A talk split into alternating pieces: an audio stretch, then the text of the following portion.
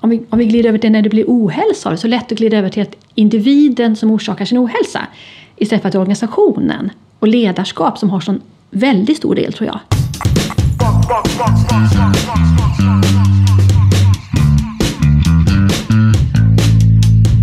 Hej och välkomna till Akademiliv. Eh, jag heter Pontus och idag sitter jag här med min kollega Maggan. Hej. Eh, och vi har en gäst med oss idag och det är Maria Boström. Du är eh, ergonom och legitimerad sjukgymnast och disputerad forskare på arbets och miljömedicin här på Sahlgrenska akademin. Ja, stämmer. Välkommen! Tack så mycket. Kul att ha dig här. Ja, vad roligt och Ja. jag får tacka att jag får komma hit. Förstår du, det är inte alla avhandlingar som uppmärksammas. Så det är väldigt roligt att vi kan prata om det unga i arbetslivet. Ja. Det uppskattar jag väldigt mycket. Eh, unga vuxna på arbetsmarknaden handlar det här om. Vad är det för en grupp? Ja, definitionen är egentligen, det finns olika definitioner. Världshälsoorganisationen har en definition på 20 till 24 år. Men den har man mer och mer gått ifrån egentligen. Vi säger att, eh, eller många forskare menar att vi är unga längre. Eh, Vi kommer senare in i arbetslivet. Så att upp mot 30-årsåldern brukar man kan säga att man är ung vuxen. Och ibland börjar också vid 18 år. Så i, i min avhandling så är det mellan 18 och 30 år. Men hårdrar man så 2024 eller 2024, men i den här studien vi kommer prata en hel del om idag, så är de 25 till 30. Så det, det, det är lite fluktuerande detta egentligen, vem som är ung vuxen. Hur, hur ser den gruppen upp- ut, den som du har studerat? Utöver ålder, så att säga. Vad, vad jobbar de med? Och vad, Ja, den här studien som är då tredje delarbetet, det, där är en grupp, Eh, de är 24 stycken, lika många män och kvinnor. Och vi har tagit de här från ett, ett urval, vi har gjort ett frågeformulär som har gått ut till eh, många unga och så har vi fått in svar och detta är så femårsuppföljningen på detta. Och då har vi plockat ut eh, en lite mindre grupp som bor i, regionen, de ska alltså vara nära och kunna komma för intervjuer till oss. De jobbar med olika saker och det är väldigt viktigt att vi får ett spann. Och det har vi gjort utifrån utbildningsnivå. Så hälften har upp till gymnasiekompetens och resten har universitet högskolekompetens. Och då får man också en mängd olika yrken. Så här ingår allt från eh, ja, eh, lokalvårdare, arbetar på restaurang, busschaufför, eh, montör eh, till mer högskoleutbildningar med ingenjör, läkare, lärare, eh, sjuksköterska. Så ett väldigt, väldigt spann på yrken. Och det gör man för att man ska kunna överhuvudtaget säga är detta något som är giltigt för en större grupp eller inte? Kan vi överföra resultaten? Mm. Och så har vi också valt att de har både låg erfarenhet och låg arbetsmåga, dålig arbetsmåga och även utmärkt arbetsmåga. Men vi vill ha ett, även ett spann där man har olika erfarenheter av arbetsförmåga. Vad är arbetsförmåga? Ja, vad är det? Och det, det här är, mm, ska jag säga, det missuppfattas ofta detta begreppet, väldigt ofta. När vi läser tidningarna så används ofta arbetsförmågebegreppet som en individuell förmåga, vilket det inte är.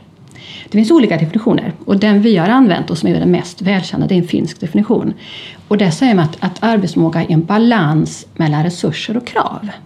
Dina egna resurser, och det kan vara hälsa och kompetens och din motivation och sådana saker. Och i balans med vad kräver arbetet? Hur ser arbetet ut? Hur, hur, vilken typ av chef har jag? Hur är mina kollegor? Vad är, det, vad är det kräver? Så det betyder att du kan alltså ha en låg hälsa. Men är kraven låga så kan du ha en god arbetsförmåga. Och arbetsförmåga är det som bedöms utifrån i sjukförsäkringssystemet när man blir sjukskriven. Det är inte egentligen sjuk du är, du är vilken arbetsförmåga har du eller inte.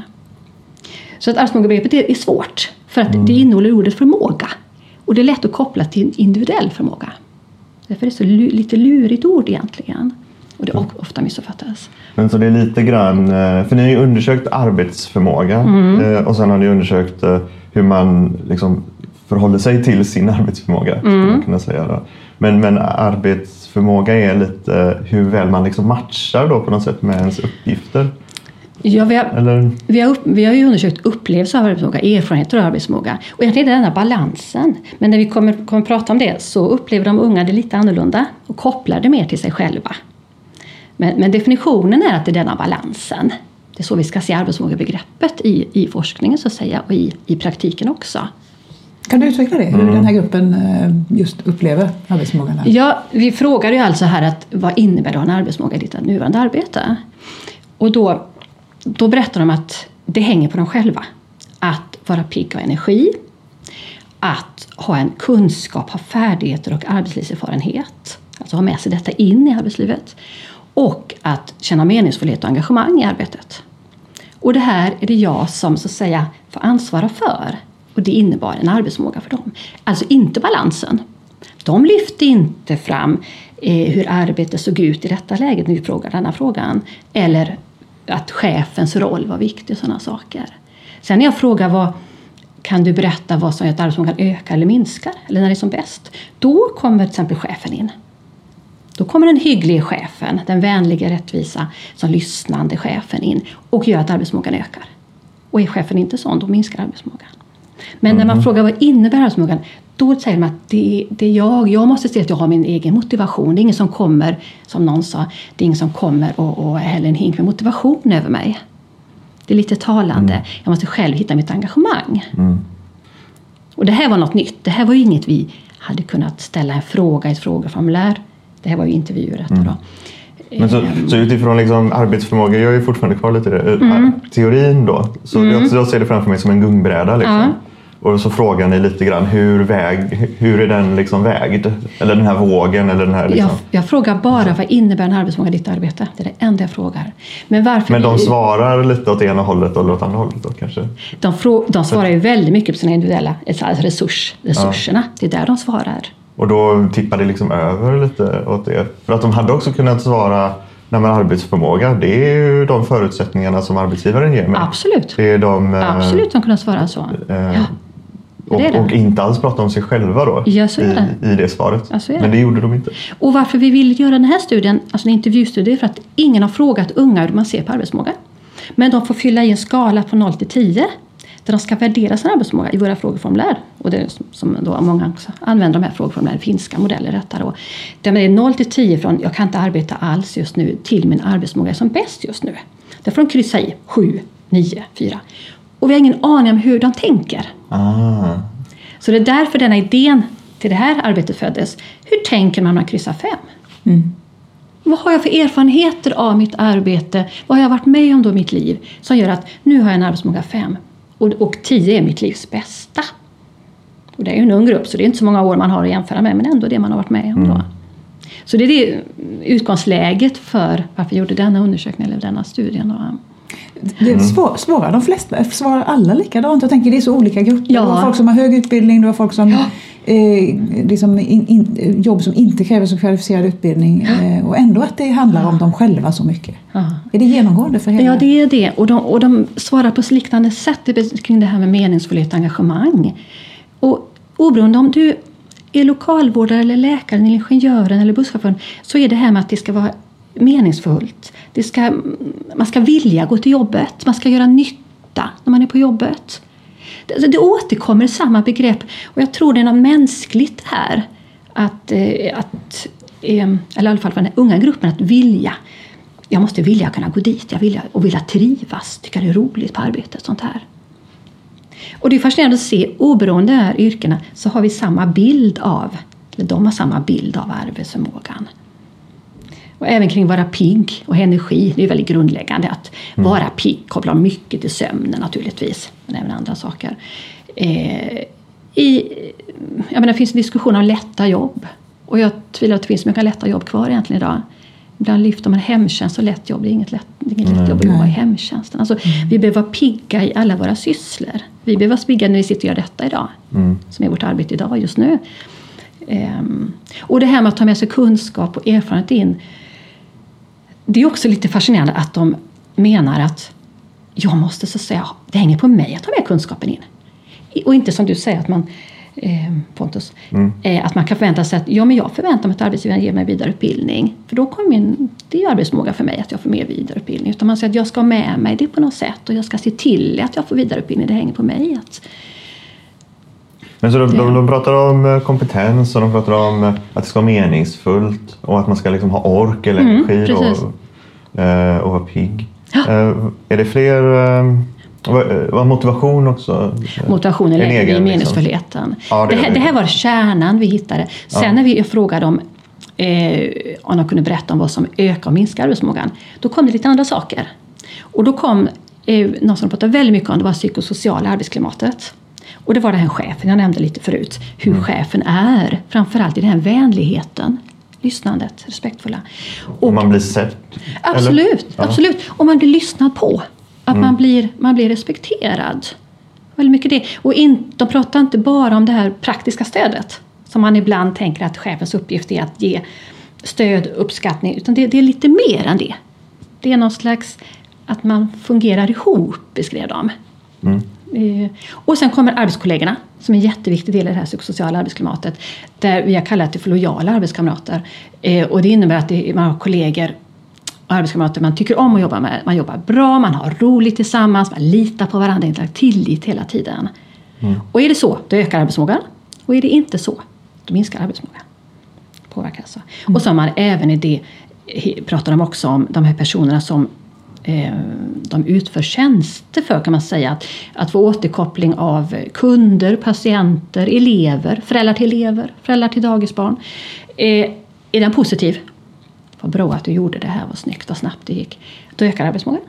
Och är det negativa uteblir sån här återkoppling, då minskar den. Så det var en del. Sen kommer organisationer som en annan del också som också påverkar med, med ledarskap. Hur arbetsuppgifter är, de roliga eller tråkiga, mina arbetsuppgifter till exempel. Ehm, och, och, även privatlivet har en stor del. De pratar om livsstil som påverkar arbetsförmågan, sömn, träning, kost, framförallt sömnen. Tar, mm. Och då vi pratar om det här med orken och piggheten. Mm. Det ligger så nära där. De pratar om privata relationer påverkar arbetsförmågan. Hur jag har det med min, kanske min partner, eh, har jag någon sjuk i min omgivning, händer det någonting, kriser i mitt privatliv. Och så är det även balansen mellan privatliv och arbetslivet. Hela tiden. Hur pratar de om det privata, alltså i relation till jobbet? De pratar om att det, det privatlivet påverkar arbetslivet. Egentligen mer, i mycket forskning så ser vi att arbetslivet påverkar privatlivet. Man pratar om work-life balance, pratar man ofta om. Så att säga. Men här vänder de på det, den unga gruppen.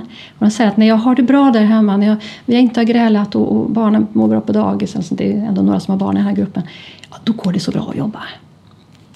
Um, mm. Så när det, är, när det är lugnt på hemmafronten på något sätt, då fungerar arbetet bra. Mm. Det är ju jätteintressant för att det, det, blir ju verkligen att då, då, då, är det ju tillbaka i det här med self-management. Alltså det, det ska funka hemma, mm. då funkar jag på jobbet. För det handlar ju mm. återigen om att jag tar ansvar för hela situationen på något sätt. Ja, det är det. Ja, det, är det. Ja.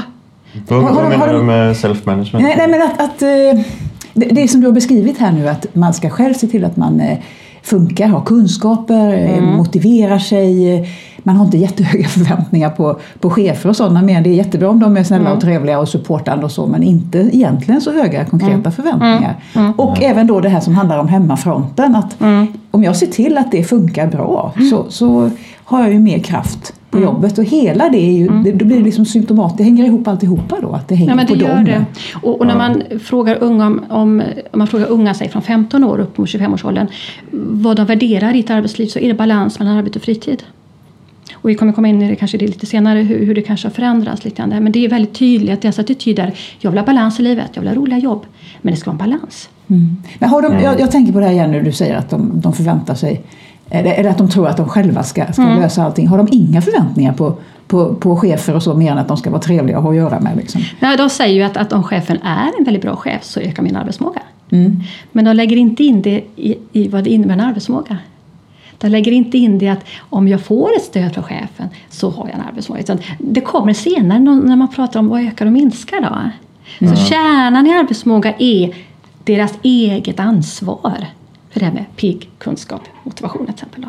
Ja, för om, man, om, om, man, om det kommer senare då som du säger, då är det ju inte ett krav på chefen nödvändigtvis. Nej, man har jag, krav jag, ser på sig inte, själv, jag ser det heller inte som en förväntan. Nej, nu är detta en, en studie, det är den första man gjort bland unga och frågat sådana saker. Det måste naturligtvis göras nya, fler studier. Och, och vi kan säga att den här typen av grupp, vi har inga utrikesfödda i gruppen. Ehm, eller utrikesfödda föräldrar så att säga. Vi vet inte hur det ser ut i en annan grupp. Nej. Det vet vi inte. Så det är naturligtvis vi får inte dra för, för så att säga, slutsatser från den här undersökningen. Men det ligger i linje med när radio gick ut och frågade unga på stan, när GP åkte upp till Angered och frågade, pratade med unga utifrån det här eh, när jag får ut den informationen kring, kring avhandlingen. Så, så ligger det i linje, det ligger inte stick i stäv i alla fall Nej. med hur samhället ser ut. Så att säga. Men jag, jag har tänkt så här, jag är inte jätte, jag är inte i den här gruppen unga vuxna, jag är 33, 34. Eh, men jag känner ju igen det här och jag, när liksom jag tänkt på detta lite innan, så jag har nog inte liksom haft en annan inställning. Jag har nog ändå haft den här inställningen att ah, men det är ganska mycket som hänger på mig själv. Eh, jag, eh, jag har inte tänkt så mycket på liksom det här att jag tar med mig själv så, hur jag mår påverkar liksom arbetsförmågan på jobbet. Även om jag liksom förstår att så är det ju. Men, vad kommer men, det sig att du tänker så tror du? Men just, ja, men just det här med chef, vad man har för förväntningar mm. och vad, vad jag själv ska liksom stå för då på något sätt. Motivation, kompetens och sådär. Du menar att det är självklart att det är du som Ja, men jag, nog, ja, jag, är själv, jag är självklart på det sättet att jag inte liksom riktigt reflekterat över ett alternativ eh, ändå. Och det, det kanske är okej okay så länge kraven är måttliga eller, eller man har full kontroll på något sätt. Man kan hantera det på arbetet ja. och man kan styra sitt arbete och så kanske det går bra. Men, men är det men eh, du är lite äldre då och du har ju anställt ja. folk också ja, ja, precis. Ja. i ditt yrkesliv. Och så. Har, för, har du sett liksom att jag förändrats ja, jag tycker, ja, ja, kanske. Alltså det här är ju jättesvåra grejer. För det, det handlar också om vilka arbetsmiljöer man har varit i mm. och hur de skiljer sig från varandra. Jag är ju mm. 53 snart. Eh, mm.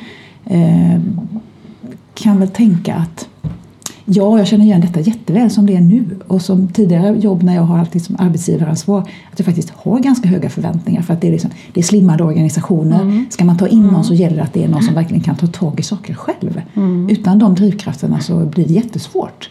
Mm. Som många organisationer ser ut idag. Så idag kanske det är högre krav på en ny, nyanställd ung möjligen, person? Möjligen. Mm. Å andra sidan kan jag minnas tillbaka när jag var ny i arbetslivet. Mm. Det är ju några decennier sedan. Att det liksom, jag hade nog snäppet mer förväntningar även på fackliga organisationer. För det vet jag att det är lite... Mm. Ja, du sitter och nickar här nu när vi tar upp det. Nej. Jag nickar, jag nickar. Ja. Jag är den där... Eh, precis, det syns inte heller. Det hörs inte att jag nickar. nej, men, nej, men jag tror också där att jag är ju lite jämnårig med dig att eh, när vi kom ut i arbetslivet så hade vi en vi hade en tydligare led, ledning på något sätt. Vi, och det kan ju vara en nackdel att, vara lite, lite, att inte få frihet i sitt arbete så att säga. Att, men att vi var mycket mer styrda. Mm. Och så tror jag att, eller det var ju så att facket hade en annan roll för de hade större makt, de hade fler medlemmar. Mm. Och ju fler som är medlemmar i facket desto större makt har de att kunna påverka och få ut sitt budskap så att säga.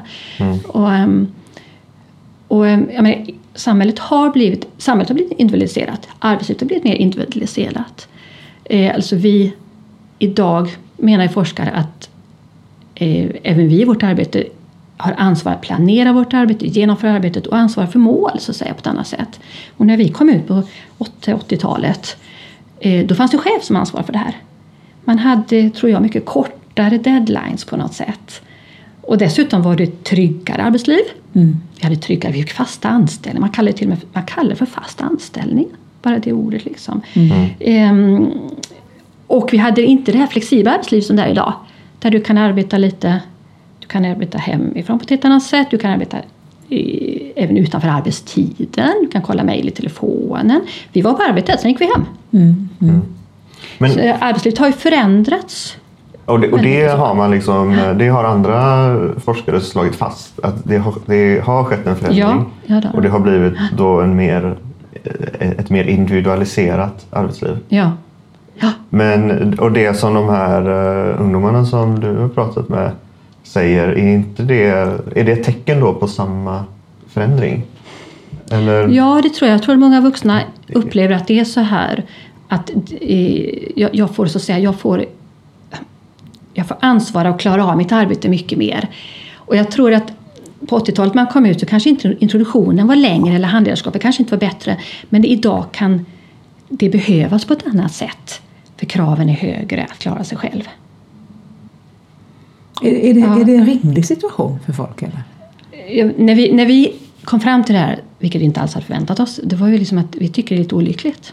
Mm. Jag säger att det är en sak om man är, har arbetat ett antal år, du har en erfarenhet med dig i arbetslivet, eller du, du har fått en erfarenhet. Då kanske du klarar av det här och ha en mindre styrning. Mm. Men som ung och oerfaren, du kanske har sommarjobbat lite grann, så blir kravbilden kan bli väldigt hög mm. på att du ska klara av det. Eh, och har du dessutom okunskap, att inte veta vad du kan förvänta dig chefen och, du, och facket kanske inte är så närvarande som det var förr, då, då kan bli kraven bli för höga. Och det kan ge ohälsa. Så är det. det är ju, och det behöver inte bli ohälsa som ser sjukskrivning. Det kan ge ohälsa av att vi mår dåligt och vi är på arbetet. Och då pratar man om produktionsbortfall så att säga, och arbetsförmåga minskar. Och vi, mm. I ett annat delarbete i avhandlingen då, då såg vi att om det var negativ påverkan från arbetet på privatlivet, om det ökar över tid, över ett år, då sjönk arbetsförmågan. Medan om det är mindre påverkan negativt på privatlivet, man får mm. tänka här nu vilket håll det är, Jaha. då ökar arbetsförmågan. Alltså om det spiller över, då påverkas arbetsförmågan. Och det, det kan handla om att vi gör saker och ting sämre eller vi gör mindre på jobbet. Mm. Både kvantitet och kvalitet mm. kan ju påverkas. Är dina intervjupersoner medvetna om detta? Om den här situationen? Om att de är utsatta för, men att det är en annan kravbild eller en annan syn på... Liksom. Pratar de själva om, om det? Att, att, det, att de presterar sämre eller obalans? Det är ju så, så här att hälften av gruppen valde vi med en, hade erfarenhet av dålig arbetsmåga. Och där var de med eh, smärta i kroppen, vissa kroniska sjukdomar, det var depressiva symptom. Så att det var en grupp med en ohälsogrupp. Kan man mm. säga. I alla fall hade erfarenhet av att ha en ohälsa, att inte må bra. Och utifrån det som var erfarenheten arbetsförmågan var låg. Hur det hade varit så att säga. Men kopplar de ihop det då? Och liksom resonerar kring det? Eller hur, hur förhöll de sig till det? Um, nej, det, det, är lite svårt att svara på men inte tydligt. Nej. I en sån här typ av intervjuer som vi gör är det stora öppna frågor och vi tränger ja, så ja. djupt ni bara, bara kan i en fråga. Så jag glider inte in på sidospår utan det fortfarande handlar om det, vad innebär en arbetsförmåga? Mm, kan du berätta mm. vad det handlar om när det ökar eller minskar när arbetsförmågan är som mm. bäst? Um, ja, de får inte riktigt chansen kanske att och koppla det till, eh, till andra saker än det de du frågar om? De kopplar inte med det egna ansvaret, inte tydligt nej, skulle jag inte nej, säga. Men det är nej. intressant i sig. Även ja, om inte du ställer specifika ja, frågor det om det ja, så är det ju det, det. Eh, det är väl talande också naturligtvis. Ja. ja. ja. För att eh, en sån situation är ju, är ju lättare att tackla som person om man vet vad det är som händer. Mm. Nu mår jag dåligt därför att. Mm. vet man inte det, då är det ju jättetufft. Mm. Ja, absolut, absolut. Ja. Och man kan ju också man kan också minska sin arbetsförmåga men man är inte så riktigt så medveten om det efter, förrän efter ett tag. Nej. Att det går sämre. Mm. Så att säga, någonting man gör. Eller så börjar man sova lite sämre. Man grubblar lite mer och tänker lite mer hemma och så påverkar sömnen. Och, så. och då påverkas det här med piggheten och då är vi där. Mm. Igen så att säga. Lite i, i hjulet lite grann så att säga. Mm. mm. mm. Men det är nog obalans eller, och när det, eller när det blir det så blir det ett problem. Mm. Och då kan det vara, mm. innebära att man eh, får högre krav än vad man liksom klarar av mm. Mm. Eh, att hantera själv då mm. helt enkelt. Mm. Eftersom att man ser sig själv som ensam lite grann i det här. Då. Eh, och då påverkar ju det både hur man mår och hur man presterar. Man, eh, generellt då. Um, men hur fixar man det då? Eller, för jag tänker det är ganska tufft om det är liksom en individualisering överlag så på arbetsmarknaden. Ja. Det är ju ett tufft jobb att motverka det. Ja, det är det. Och det är ju att våga säga nu har jag för mycket att göra. Våga säga att jag har två uppgifter som jag ska göra samtidigt. Det, jag har de här timmarna till förfogande. Jag, jag kan inte göra. Alltså, att, det är ju på något sätt det med att våga sig, visa sig svag. Mm. Det ligger ju inte i vårt samhälle idag. Ja, men vi är ju prestationssamhälle. Vi är ju starka och vackra och tränar och gör bra från sig på alla, alla fronter på något sätt idag. Och inte minst de unga har ju den här med sig att vara väldigt lyckade. på något sätt. Och, och arbetslivet är ju till för oss alla. Det är, vi ska kunna arbeta utifrån våra förutsättningar. Mm. Mm. En, um... Men vad ska, vad ska arbetsgivaren göra då? För att nu, det var ju en lösning som individen själv att säga ifrån då. Ja. Det är ju en individuell eh, lösning. Så att säga. Arbetsgivaren har ett väldigt stort ansvar. Och nu kommer föreskrift med Arbetsmiljöverket 2015 kring den organisatoriska sociala arbetsmiljön. Och där står det tydligt att arbetsgivaren har ansvar för att, att se till att arbetstagaren vet var man får hjälp och stöd. Det står mm. uttryckligen. Mm. Eh, vet, eh, få hjälp att, att eh, få balans i livet, få återhämtning. Står också denna. Mm. Så att arbetsgivaren har ett väldigt ansvar enligt lagen faktiskt. Att finnas för arbetstagaren. Så att vi mår bra i arbetslivet. Vi ska inte bli sjuka av vårt arbete. Det är ju grunden i arbetsmiljölagen. Liksom. Vi ska må gott både fysiskt och psykiskt. Mm. Men, men det att våga visa sig svag. Jag tror ju på det här, vi kanske kommer till det sen, men det här med kring mentorskap väldigt mycket. Att man har någon nära på en arbetsplats som jag kan visa. Jag kan säga att jag förstår ingenting. Det är det jag inte vågar säga på mötet med mina kollegor. Mm. Eller kanske för en handledare. Mm. Mm. Jag många yrken ändå, till exempel i vården, så har man en handledare en viss period. Och man kanske inte vill visa att jag faktiskt inte förstår.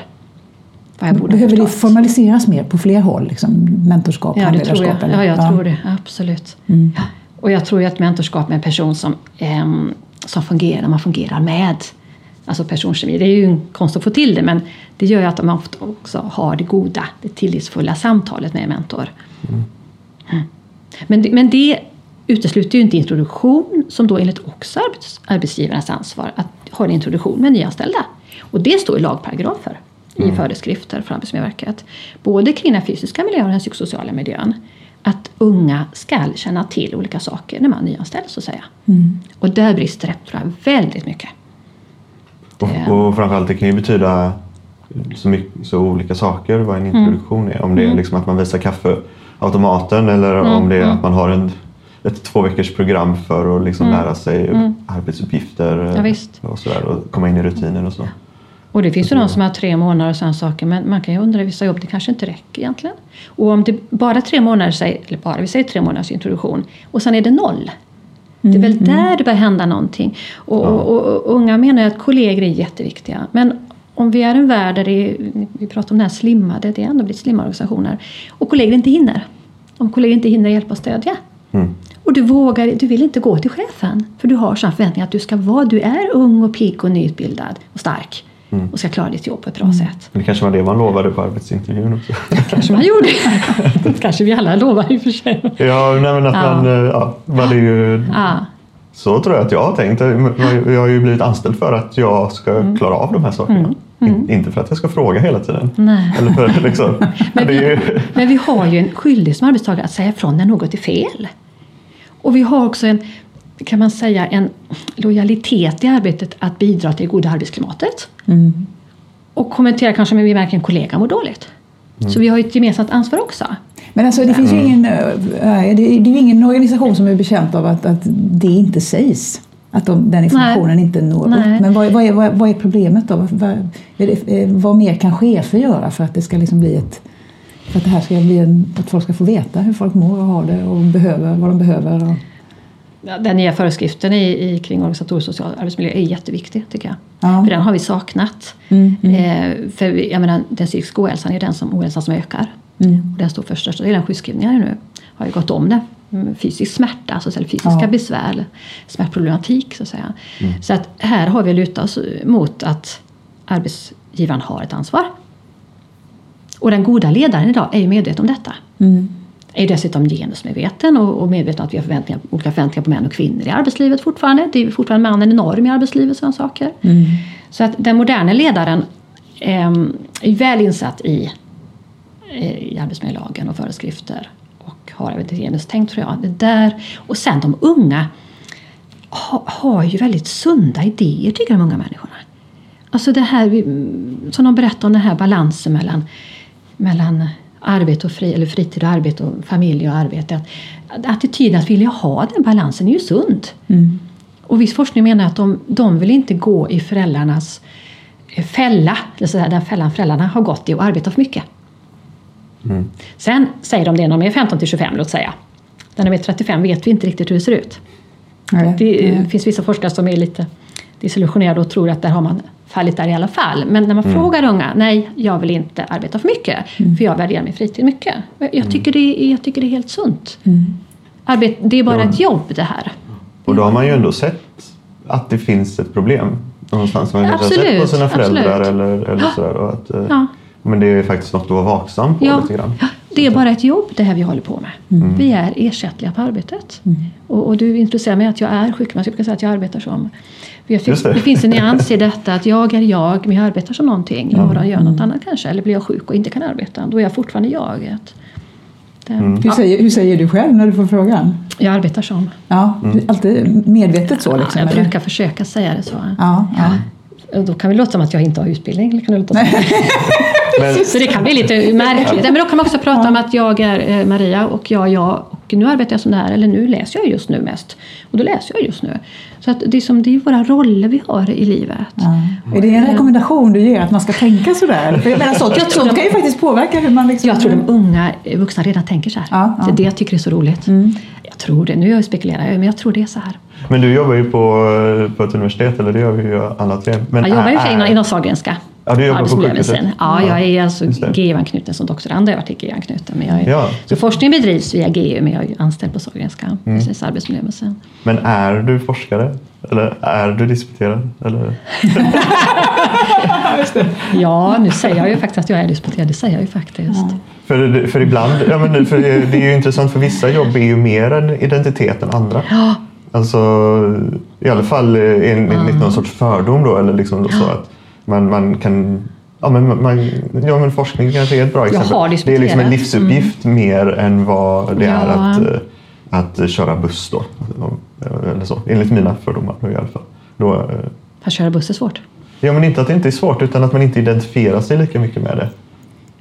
Jag tror det finns busschaufförer som identifierar sig att vara busschaufför, älskar att vara busschaufför. Ja. Jag åker mycket kollektivt. Så det, det är alltid svårt när vi börjar jämföra yrken. Ja, nej, och jag bara- ut, det är min fördom. utbildningsnivå. Ja. Ehm, det, som var i början det här med lätta jobb. Vad är lätta jobb? Måste det vara låg utbildning? Det kan, väldigt, kan vara väldigt svåra jobb även med den låga utbildningen så att säga, eller gymnasieutbildningen. Så. Ja. Ja. Ja. Ehm, men vad sa du? Du hade någon fråga där. Tappade jag den. Om, Ehm, om, du- om du är eh, forskare? Jag har ju disputerat, jag kan ju säga att jag är ny- ny- nydisputerad kan jag säga. Men jag försöker att inte, vara, jag försöker att inte skapa mitt värde via arbetet. Nej. Jag har ett värde, vi har värden i oss själva utan vårt arbete. Men arbetet är en stor del av oss och i vårt samhälle idag så premieras att vara i arbete. Och göra bra arbete och göra karriär och vara lyckad. Att ar- vara arbetslös är stigmatiserande. Mm. Det. Fin- Finns det andra delar i, i, som är positiva som du ser det i de unga vuxnas attityd gentemot jobbet? Det här är en del då att de faktiskt tänker mycket på balansen fritid, arbetsliv och så vidare. Ja, deras attityder är också att det ska vara utvecklande arbete. Att de ska lära sig. Och det det är ju sunt. Mm. Vi vill ju alla utvecklas och växa som människor. I, vi, i vårt arbete. Det har vi ju nytta av som personer också naturligtvis. Det är ju en stor del av vårt, vårt liv, vårt arbete. Det kommer vi inte ifrån. Så är det ju. Mm. Mm. Eh, De har också värderingar att kollegor är viktiga, arbetskamrater är viktiga. Och det, och det tycker jag är mm, något slags humant att tycka om att vara med människor, samarbeta med andra människor. Mm. Vi är varandras miljö ju. Det är ju så. Mm. Um, så tänkte jag på något annat. Och så värderar de status lägre. Jag tror vi gjorde när vi kom ut. Ja, okej. man, man pratar om, eh, forskare har beskrivit en horisontell eh, karriär istället för vertikal karriär. Mm. Alltså har, vi inte, har inte man tillräckligt goda förutsättningar att bli chef då väljer de unga att göra en karriär åt sidan till andra arbetsuppgifter. Okej, att man specialiserar sig? Eller, Ja, vad- eller byter ja. jobb kanske. Ja, ja. Alltså det kan vara svårare att locka unga in till ledarskap om det inte är bra förutsättningar. Och det kanske ligger 40 timmars veckan som en förutsättning. Mm. Mm, mm. Och resurser och en god chef över sig. Även chefen behöver stöd Mm. och uppskattning. För att status inte är det enda som är viktigt. Eller enda, men att det inte är lika viktigt längre. Nej. Ja. Det kanske håller på att hända någonting. Och det, nu- det grundar jag naturligtvis på de som är runt 20, 20 20-25 idag så att säga. Så, så ser bilden och den tycker jag är hoppfull. Mm. Måste jag säga. Mm, för det kan vara minst lika utvecklande att byta arbetsuppgifter Absolut. utan att bli chef. Utan Absolut. byta horisontellt då som vi säger. Och, och som vi ser i vården att de personer som gör karriär blir chefer. Hur vet vi att det är de bästa cheferna? Bara för att man gör en karriär på ett visst sätt inom ett visst område och kanske ökar i, i grader, i akademiska grader. Behöver man vara goda ledare behöver man inte vara egentligen för det. Nej. Utan den, den goda ledaren har många gånger med sig egenskaper och mm, visst, många kan växa som ledare, ja. Men jag tror att den riktigt goda ledaren har väldigt mycket med sig.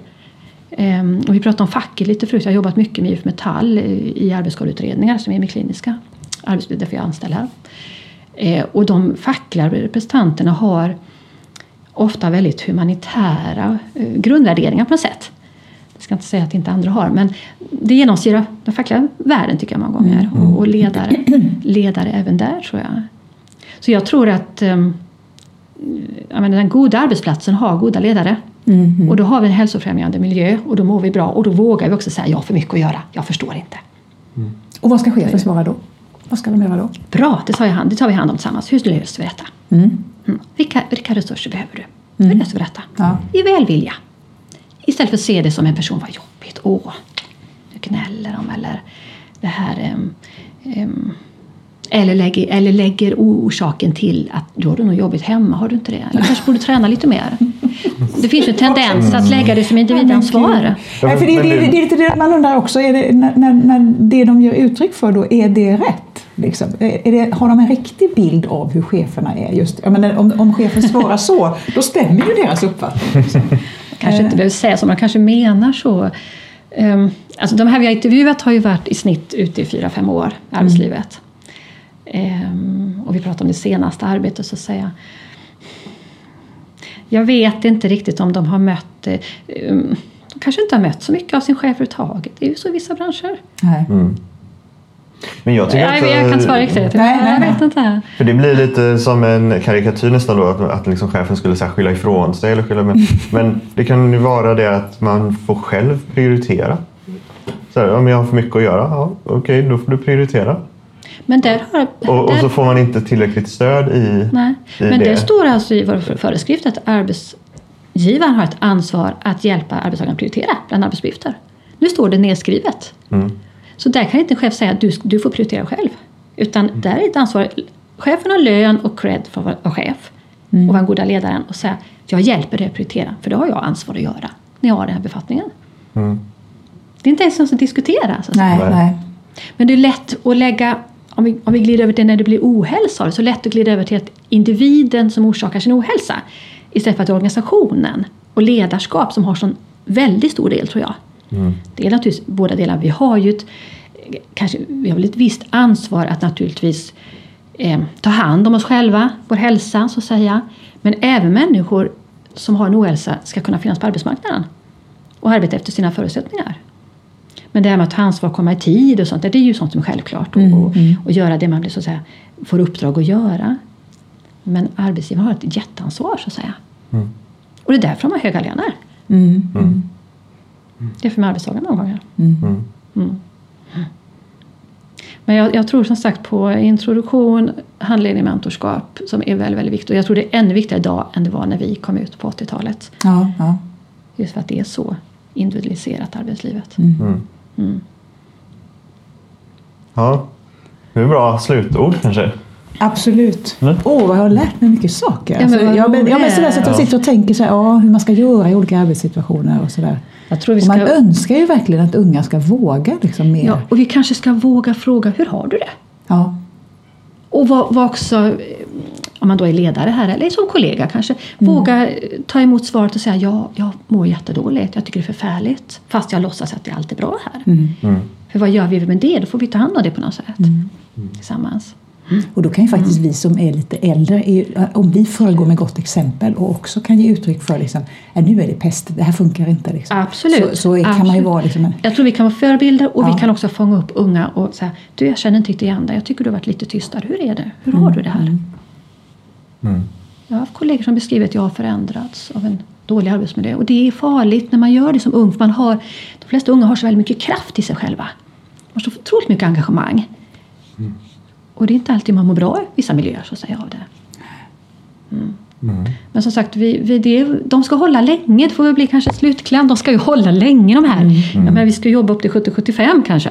90. Inte, inte vi, men, ja. Ja. men de unga Ja. ska det. Så Ja. att gå in med en hållbar arbetsmåga är väldigt viktigt från början. Just för att man ska jobba så många år. Sen man kanske kommer byta yrke, det är en annan sak. Vad som kommer hända i framtida arbetslivet. Det kanske kommer se helt annorlunda ut när vi har haft med ett yrke möjligen. Mm. Ehm, Ja, men att det är hållbarhet hålla. från början. Man ska Ja. hålla. Mm. Mycket Tack, intressant, Maria. spännande. Vad roligt, vad roligt. Kul. Eh, Det här var en podcast från Sahlgrenska akademin, Göteborgs universitet. Eh, Vi finns bland annat på iTunes och Soundcloud och eh, där poddar finns. Om ni vill så får ni kontakta oss med frågor eller tips på ämnen som vi ska ta upp. Och då kan ni mejla på akademiliv.gu.se eller kontakta oss via Facebook eller Twitter där vi heter Sahlgrenska akademin såklart. Tack! Tack. Fuck, fuck, fuck.